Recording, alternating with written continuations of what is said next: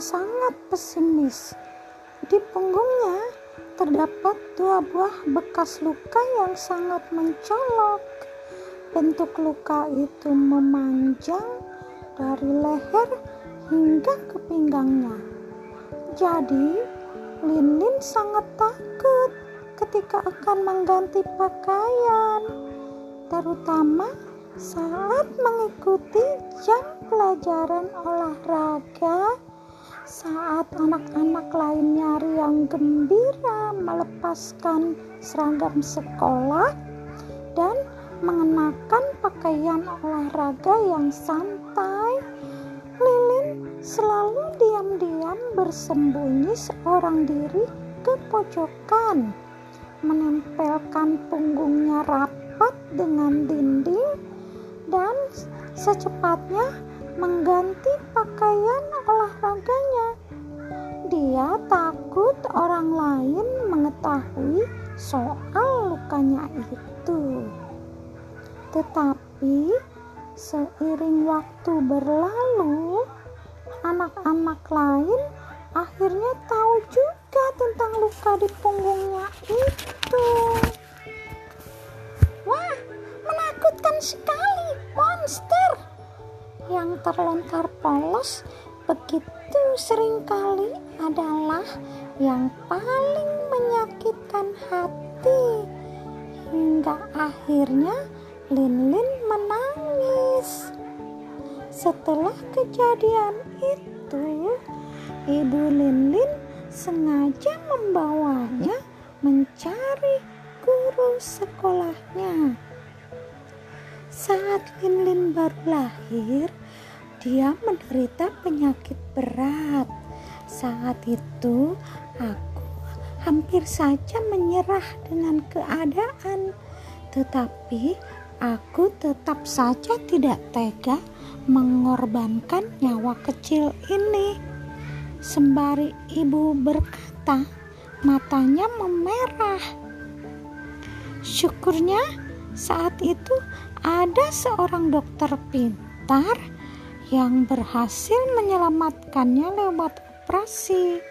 Operasi itu meninggalkan dua buah bekas luka di punggungnya. Ibu menoleh dan meminta Lin-Lin, "Sini, tunjukkan kepada Bu Guru." Lin-Lin sempat ragu sebentar, tetapi akhirnya dia melepaskan bajunya. Bu Guru terkejut saat melihat dua buah bekas luka itu. Dengan iba, dia bertanya pada Lin-Lin, "Masih sakitkah?" Linin menggelengkan kepalanya berkata, tidak sakit lagi. Saat itu, Bu Guru terus berpikir dalam hati, jika melarang anak-anak lain mengolok Lin-Lin, ini hanya akan menyembuhkan sisi luar, tidak menyembuhkan hingga dalam. Lin-Lin pasti akan terus pesimis Aku harus memikirkan cara terbaik. Tiba-tiba terlintas ide dalam pikiran Bu Guru. Lalu dia mengelus kepala Lin Dan berkata, "Pelajaran olahraga besok, kamu harus mengganti baju bersama anak-anak yang lain ya."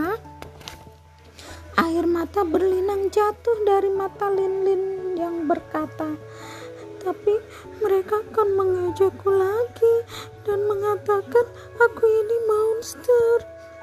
Tenang saja.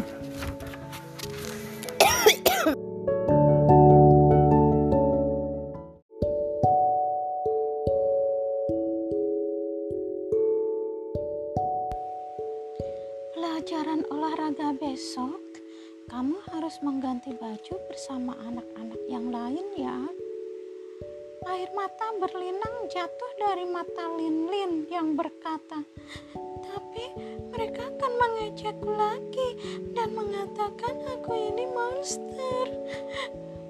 Tenang saja, Bu Guru punya caranya. Tidak akan ada yang menertawakanmu. Percayalah. Hari saat pelajaran olahraga, Lin-Lin kembali diam-diam bersembunyi di pojokan dan melepas bajunya.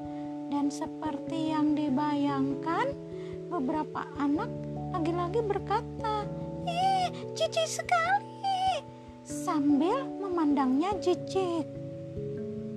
Mendengar dan melihat semua ini, Lilin sudah mengucurkan air mata.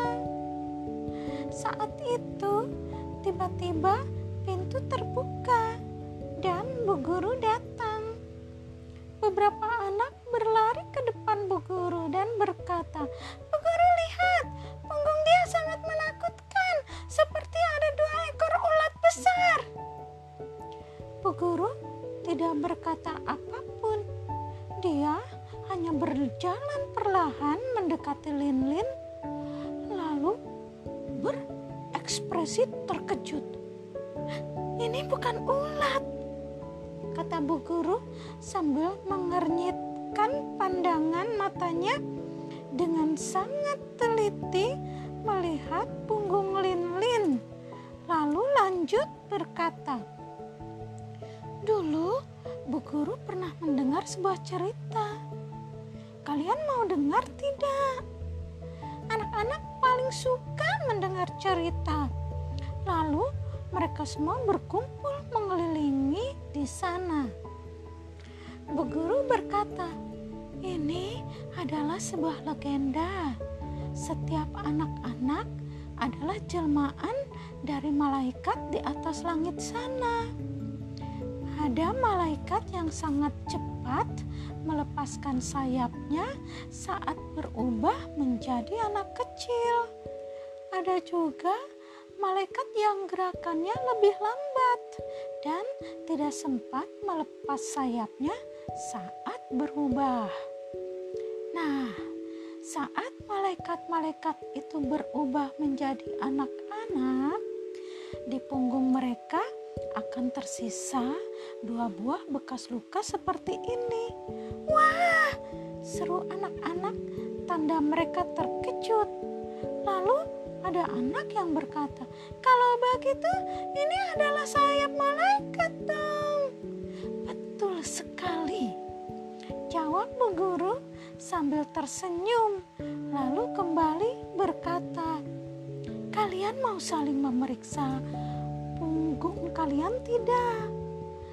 Lihat, apa masih ada sayapnya yang belum lepas semua seperti dia ini? Semua anak-anak yang mendengar Bu Guru berkata begitu langsung sibuk memeriksa punggung temannya satu sama lain. Tetapi tidak ada yang sama persis seperti Lin-Lin yang memiliki bekas sejelas itu. Bu Guru, aku memiliki sedikit bekas luka di sini. Ini bukan, kata seorang anak dengan gembiranya sambil mengangkat tangan. Bukan itu bagian iniku juga merah. Aku baru malaikat sebenarnya, sahut anak lainnya. Semua anak sibuk memperdebatkan hal bekas luka itu ada di punggung mereka hingga mereka sama sekali lupa mengejek Lin-Lin. Raut senyum mulai tampak dari wajah Lin-Lin yang awalnya merah karena menangis. Tiba-tiba ada seorang anak laki-laki yang berkata dengan pelan, "Bu guru, apa aku boleh menyentuh sayap malaikat?" Nah, ini kamu harus tanya malaikat kecilnya, mau atau tidak. Jawab Bu Guru sambil tersenyum mengedipkan matanya pada Lin-Lin. Lin-Lin memberanikan diri dan walau sedikit malu, dia menjawab, "Boleh." Anak laki-laki itu dengan perlahan menyentuh bekas luka di punggung Lin-Lin. Lalu berseru dengan gembiranya, "Wah, hebat sekali! Aku sudah menyentuh sayap malaikat." Mendengar seruan anak laki-laki tadi, anak-anak lain juga ikut berseru. Aku juga mau coba menyentuh. Satu jam pelajaran olahraga berlalu dengan kejadian yang langka itu. Puluhan anak-anak berbaris rapi untuk bergiliran menyentuh punggung Lin-Lin. Bu guru yang baik hati itu menggunakan sayap malaikat untuk membebaskan Lin-Lin dari pandangan mengucilkan teman-temannya dan melepaskan Lin-Lin dari belenggu ke pesimisannya. Nah, teman-teman, bahan renungannya anak-anak itu polos. Mereka selalu mengatakan apa adanya dari yang mereka lihat. Padahal mereka tidak punya maksud buruk sedikit pun dalam hatinya. Tetapi terkadang kata-kata yang tidak disengaja ini bisa menyakiti orang dan membuat orang menjadi pesimis dan enggan bergaul. Kita tidak boleh mengejek atau mengucilkan teman yang berbeda dengan diri kita. Kita seharusnya menerima perbedaan dalam diri dengan hati yang positif. Rasa percaya diri itu sangat penting dalam proses pertumbuhan kita. Hanya dengan melatih kepercayaan diri sejak kecil, barulah kita bisa menghadapi masa depan dengan lebih baik.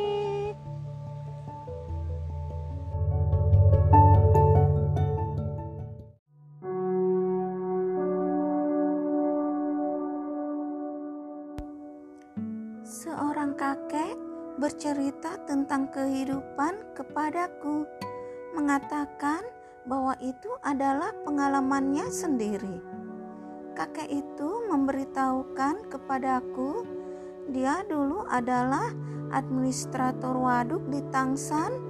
Dia sering tinggal sendirian di ruang distribusi listrik di dekat waduk. Karena sering tidak ada pekerjaan, dia suka memancing dengan keterampilan menangkap ikan yang terus meningkat. Ikan yang dia tangkap sering tidak habis dimakan sehingga ia pelihara dalam tangki yang besar. Tangki besar ini ditempatkan di dapur yang dia bangun dengan sederhana. Suatu malam di awal musim panas, dia belum tidur dan mendengar ada suara gerakan dari arah dapur. Dia menuju dapur untuk melihat apa yang terjadi. Ternyata ada rubah liar yang datang untuk mencuri ikan dan secara tidak sengaja jatuh ke dalam tangki dan tidak bisa memanjat. Berpikir tentang berkurangnya beberapa ikan berulang kali, dia ingin membunuh rubah jahat yang tidak beruntung ini.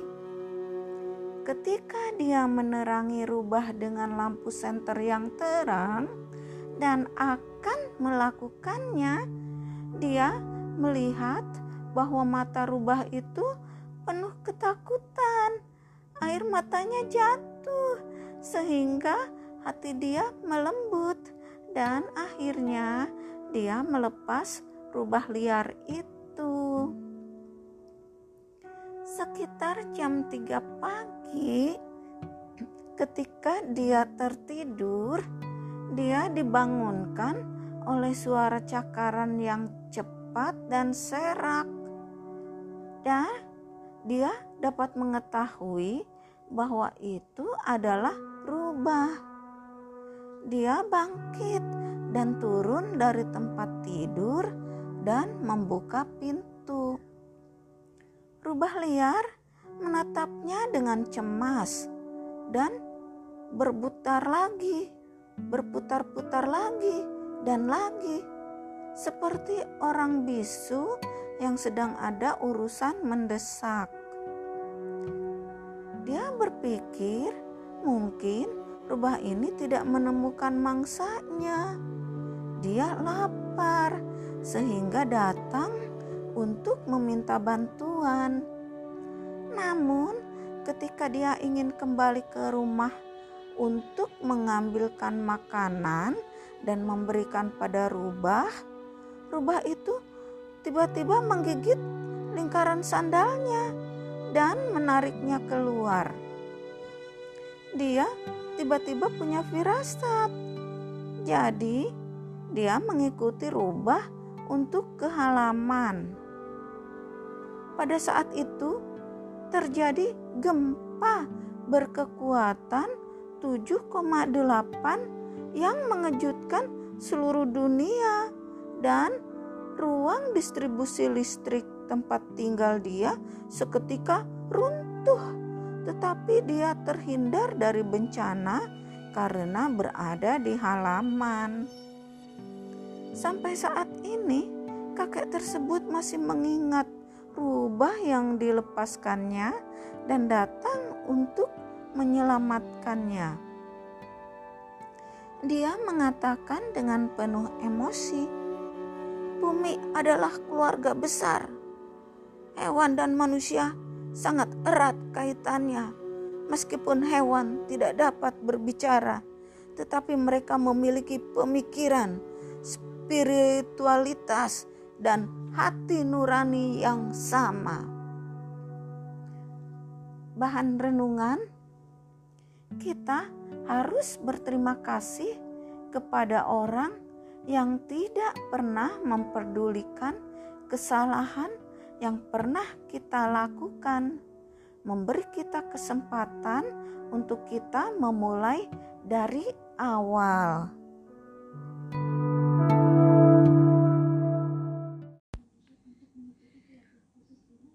Ada seorang anak perempuan setelah lulus jurusan arsitek dari Universitas Tsinghua Beijing, ia berhasil menerima surat penerimaan dari Universitas Harvard Amerika untuk melanjutkan studi S2 di sana. Semua sudah selesai dipersiapkannya, lalu tidak terduga ketika ia mengajukan visa Amerika pengajuannya ditolak dua kali berturut-turut. Anak perempuan ini sangat sedih dan menangis sendirian di kamar. Temannya menyarankan ia untuk mencari perusahaan konsultasi yang bisa membantunya. Ia akhirnya menemukan sebuah perusahaan bernama Percaya Diri. Bos di sana melihat-lihat dokumen anak perempuan tersebut, berkata, dokumen ini tidak bermasalah. Kemudian, bos meminta anak perempuan untuk menceritakan secara detail pengalaman ia ditolak. Anak perempuan ini menjawab dengan suara bisikan, mata menatap ke bawah, kepala juga menunduk, tidak berani menatap bos. Kemudian, setelah bos mendengar sebentar, lalu memotong anak perempuan, berkata, "Tidak usah dilanjutkan, masalahmu di sini." Ternyata anak perempuan ini pemalu dan tidak mahir berkomunikasi dengan orang lain. Begitu ia berbicara, maka wajahnya akan merona merah. Juga selalu suka menundukkan kepalanya, memberikan kesan yang sangat tidak percaya diri. Kemudian, bos dengan sangat mahir berkata, "Kamu di perusahaan saya akan berlatih tiga hal utama. Angkat kepalamu, sejajarkan matamu dengan lawan bicara, dan bicara dengan suara yang lebih keras. Kemudian, dalam waktu dua minggu, orang-orang yang ada di dalam perusahaan konsultasi berusaha keras membantu melatih anak perempuan ini memiliki kebiasaan mengangkat kepala, mata sejajar, serta berbicara dengan suara keras. Ketika pengajuan visa yang ketiga kalinya, setengah kebiasaan, setengah dipaksakan, ketika diwawancarai, ia dari awal sampai akhir menegakkan kepalanya, matanya juga selalu menatap petugas, berbicara dengan lancar, fasih, dan santai. Petugas tersebut melihat ke alasan riwayat ia ditolak.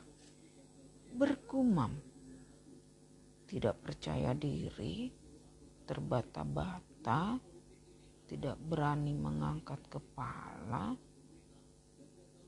sama sekali tidak seperti anak perempuan ini. Terakhir, petugas tersenyum dan berkata, "Kamu sangat hebat." Saya tidak melihat alasan menolakmu. Amerika menyambutmu. Proses pengajuannya selesai dalam waktu lima menit. Bahan renungan. Kalau kita memiliki sifat percaya diri, maka akan membuat orang lain merasa percaya kepada kita.